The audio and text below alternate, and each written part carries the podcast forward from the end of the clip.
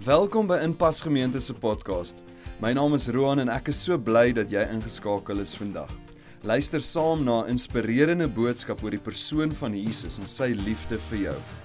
As ons jou op enige manier kan dien of bystaan, maak asseblief kontak met ons. Ons webtuiste is die maklikste manier om dit te doen.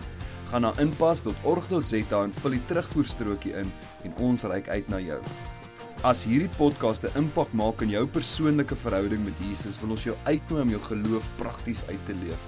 Jy kan dit doen deur vrygewig te gee sodat Inpas Gemeente die goeie nuus van Jesus kan verkondig. Kyk gerus op inpas.org.za hoe om 'n bydrae te maak. En nou, sit gerus terug en geniet die boodskap.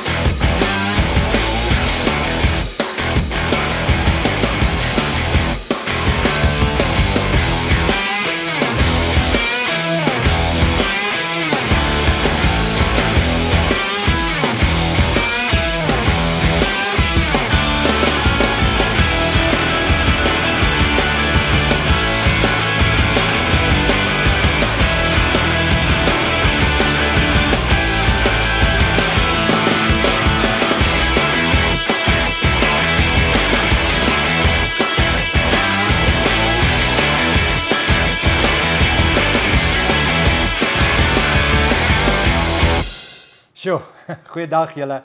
Is dit nie waar nie? Dit voel of ons net nie asem kry nie. Nou ons nuwe reeks gaan oor haal diep asem. Om spasie te skep om asem te haal. Nou kyk hoe lyk hierdie lesenaar vir my. Nou die verskil tussen minimaliste en opgaarders is kunstenaars is gewoonlik meer geneig om gemaklik te wees. My pa en ma is pynlik netjies en ek en die res van ons gesin is meer, kom ons sê kunstig. Nou vir jou hangkas, kattebak, garage, lesenaar om so te lyk is seker oukei. God het ons op verskillende maniere gemaak. En as jy nie weet watter tipe jy is, jy gaan kyk net na jou lesenaar. Nou dis oukei om te hou daarvan om koekblikke op te gaar en porseleinpoppe te versamel. Dis verseker oukei, maar is nie oukei vir jou lewe om so te lyk nie. Jou skedules, jou finansies, daar's geen spasie vir 'n fout nie. As jou kar se radkas breek, is jy in die sop. Dis nie oukei okay vir jou verhoudings om so te lyk nie. Jy druk soveel mense in jou skedules en tyd dat jy nie meer dit geniet nie. Dis nie meer vir jou lekker nie. En as ons almal hardloop van die een ding na die volgende, jy weet wat gaan word. Ja, maar ek het nie regtig 'n keuse nie. Dis die seisoen waarom my lewe nou is. Nou wanneer ons lewe op 'n plek is waar daar nie meer 'n plekkie op die tafel oop is nie vir ons finansies, ons tyd, ons verhoudings nie, dan sit ons met 'n probleem. Nou God het iets gehad om te sê oor ons gejaagde lewe. Dis nie lekker vir ons om mense te sien wat so hard werk dat hulle verhoudings skade ly nie. Of om na 'n jong getroude paartjie te kyk en te sien maar hulle put die een rekening na die ander uit en Die volgende finansiële hobbel is al weer op pad en hulle verhouding gaan skibreek lê. Nou ons gaan praat om ruimte te laat om asem te kan haal in jou finansies, jou tyd en jou verhoudings. Aan die einde van die dag is die lewe beter wanneer ons spasie het om asem te kan haal.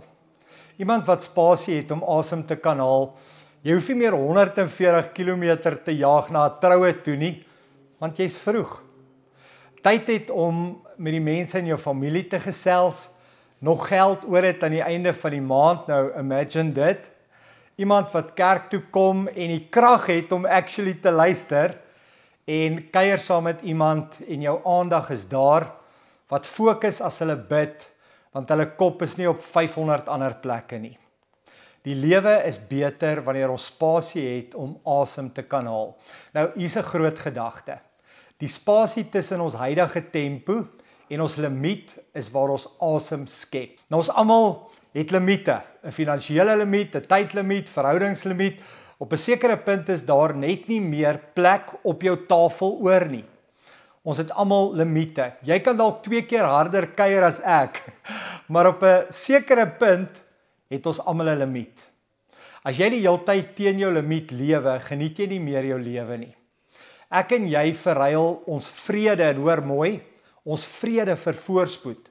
Ons verruil ons vrede vir vooruitgang. Nou julle ek hou ook van adrenalien. Hoe meer ons ruimte kan skep om asem te haal, hoe meer gaan ons die lewe geniet. Wanneer daar nie spasie is om asem te haal nie, gebeur daar drie goed. Jou stresvlakke gaan op. As jy laat is en jou tyd raak minder, begin jy angstig te raak en jy kom agter jy het vergeet om die ligte te betaal en nou is dit al na 5. Jy gaan in die donker slaap en in die donker wakker word, veral as dit winter is. Die tweede ding is jou fokus vir nou. Hoe minder ruimte om asem te haal, hoe meer begin ons net te dink aan daai een ding en ons verloor perspektief. Hoe nader jy aan die afgrond kom, hoe nouer jou fokus. Ons moet fokus waarmee ons besig is deur die week, maar as dit alles wat ons doen verloor ons perspektief teenoor ons families. En die derde ding wat ons verloor is, ons verhoudings lei daaronder. Alwaaroor jy praat is werk. My man, jy's heeltyd op jou foon. Ek hou nie meer daarvan om huis toe te gaan nie, want my ouers beklei oor geld. Lewensgeluk en lewensgehalte word bepaal deur die gesondheid van ons verhoudings, nie oor voorspoed en vooruitgaan nie. Hoekom doen ons dit? Niemand van ons sê, "Jesus, ek wens ek kan meer stres in my lewe hê nie. Ek wil so fokus dat ek vergeet van my familie. Ek wil hê my verhoudings moet uitmekaar uitval nie. Ons praat nie so nie. Ons sê dis maar die lewe. Dis maar die tipe beroep wat ek beoefen. Nou ek dink is deel daarvan. Ek sukkel met dissipline. Ek dink weer eens dis deel daarvan. Maar wat is die dryfkrag agter hierdie probleem? Wat's die wortel? Wat's die engine? Wat jou in die wat's dit wat jou in die gang hou? Wat veroorsaak dit dat ek altyd in die rooi is met my finansies, my tyd en my verhoudings? En totdat ons nie besef wat die dryfkrag agter hierdie gejaag is nie, gaan ons nie weet waar om te begin nie. So die groot dryfkrag agter ons roekelose finansiële besluite, ons min tyd en ons honderde afsprake wat ons maak, is vrees. Hoekom stop jy nie? Hoekom skakel jy nie af nie?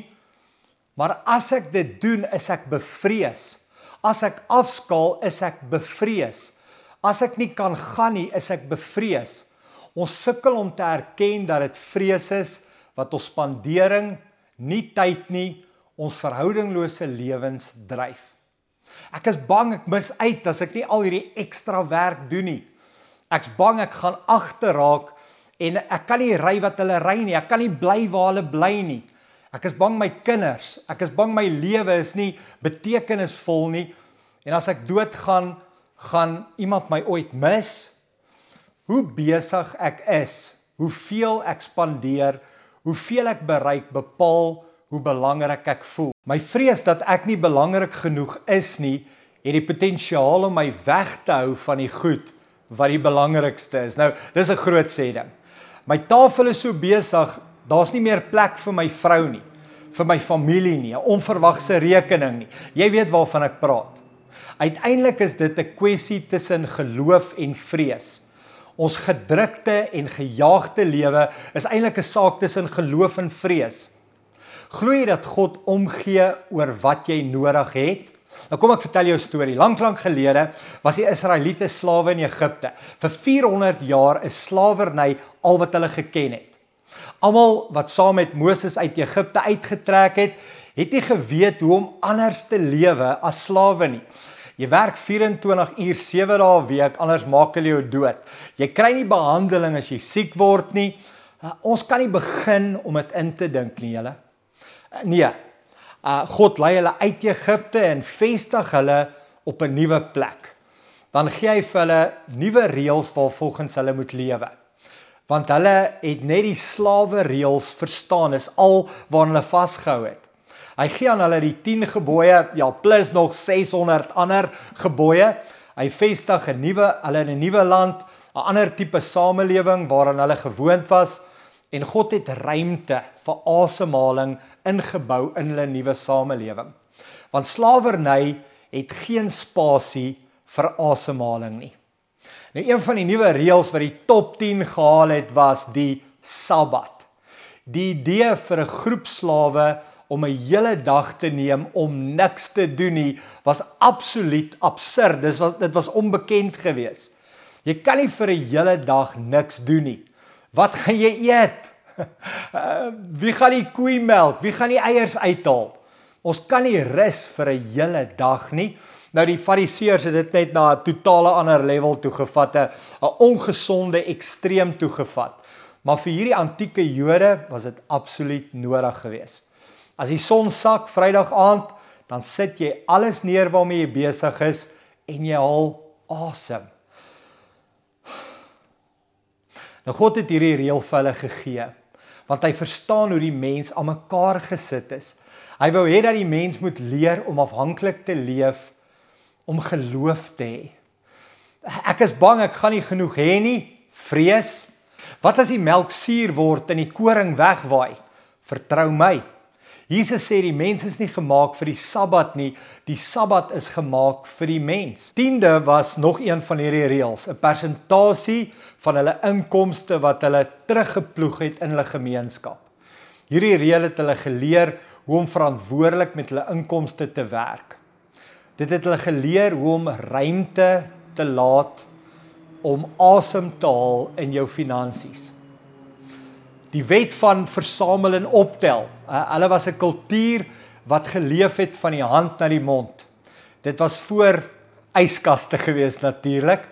Almal is in ons oë brandarm en alles wat jy kan kry, maak jy bymekaar.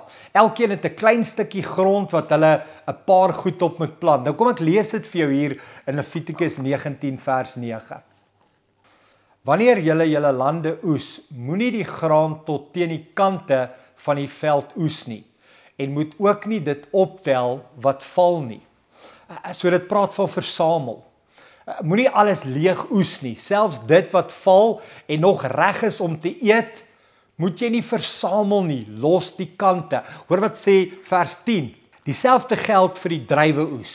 Moenie elke moontlike druiwetros afoes nie en moet ook nie druiwekorrels wat op die grond geval het optel nie.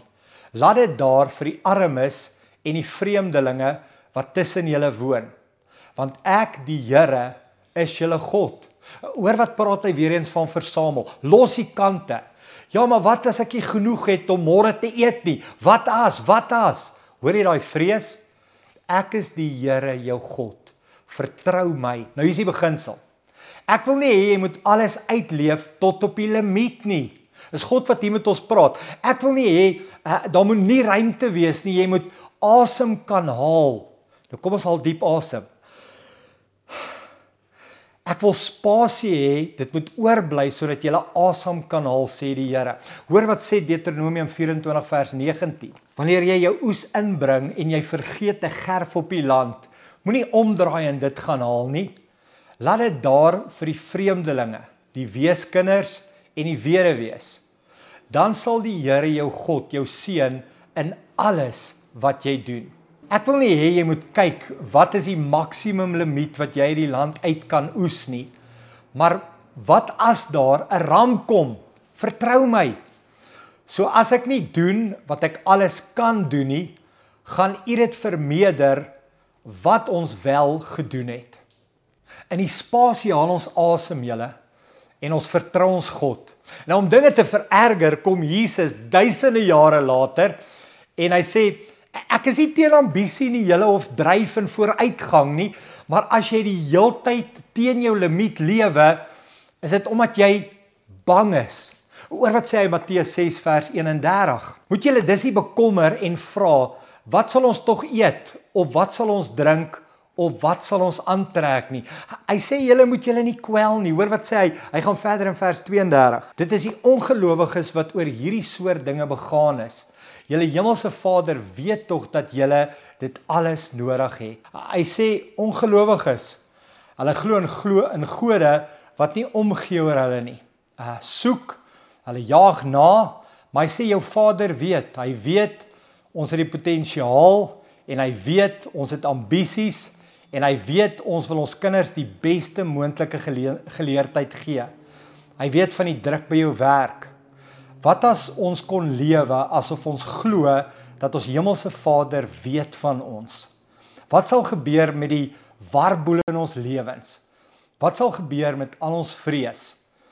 Ek gaan nie klaar kry met al my werk nie, maar ek vertrou U. Hoe sal dit lyk as ons nie meer elke hoek en kant van ons veld hoef te oes nie? Hoe sal dit lyk as ons nie meer ons kwel oor elke koringaar wat val nie? Hoe sal dit lyk as ons op 'n Vrydag aand as die son sak alles neersit waarmee ons besig is? Hoe sal dit lyk as ons weer ruimte in ons lewens het om asem te kan haal. Hoe sal dit lyk as ons God kan vertrou in daardie spasie? Jy weet waarvan ek praat. God nooi ons in so lewe in waar ons nie meer ons vrede verruil vir vir, vir vooruitgang en voorspoed nie. Die lewe is beter wanneer ons spasie het om asem te haal. Kom ons sluit hierdie gedeelte af in vers 33 van Matteus 6. Nee, maak die koningsheerskappy van God en dit wat voor hom reg is, julle prioriteit, dan sal God vir julle al hierdie ander dinge byvoeg. Jy jy het reeds 'n limiet, uh finansiëel tyd in jou verhoudings. En ons kan kies dat ons samelewing ons druk tot op ons limiet of ons kan kies om ruimte te laat en te vertrou dat God na ons gaan kyk. Jy kan of op die limiet leef van jou finansies, jou tyd en jou verhoudings uh, want jy's te bang en te angstig dat jy dit nie gaan kan maak nie en dat mense jou nie gaan belangrik ag nie. Ons ouers se stem wat nou nog ons druk tot op ons limiet. Ons kan kies om in die rooi te lewe en nooit regtig ons lewens te geniet nie. Nou ek gaan nie meer in vrees lewe nie. Ek gaan glo dat God weet wat ek nodig het en dat hy vir my sal sorg. Ek gaan terugtreë van my limiet. Ek gaan hom vertrou as dit kom by wat mense van my dink. Ek gaan hom vertrou as dit kom by my besittings en wat ek wil bereik. Ek gaan nie meer toelaat dat my vrese en ander se verwagtinge my dryf tot teen my limiet nie. Daar is ouer mense wat ons sal leer dat hulle nooit tyd gemaak het vir hulle vrou nie en toe sy wou loop, toe wil hulle ewe skielik tyd maak daai ou wens hy kon eerder daai tyd wat hy spandeer het om sy huwelik te probeer red vroeër te belê in sy verhouding. Ouers wat so besig is om te voorsien vir hulle kinders dat hulle nie tyd het om aan hulle verhouding te werk nie, dan eindig die kind op in rehab, dan spandeer hulle ure en dae lank om die kind te red. Hulle wens hulle kon eerder daardie tyd wat hulle spandeer het om hulle kind te red vroeër te belê in hierdie verhouding. In 'n krisis kry ons altyd tyd. Wat as ons daai tyd vroeër kan belê? Mense wat ouer as 60 is, julle sal weet, ehm um, hulle sal almal vir jou sê dat as hulle weer 20 en 30 kon gewees het, sou hulle vooruitgang en voorspoed verruil vir meer vrede. Ons is bevoorreg om nou al te besef wat belangrik is. Kom ons beantwoord hierdie vraag. Waar in jou lewe het jy nodig om ruimtes te skep om asem te haal. Lewe is beter wanneer ons spasie het om asem te haal.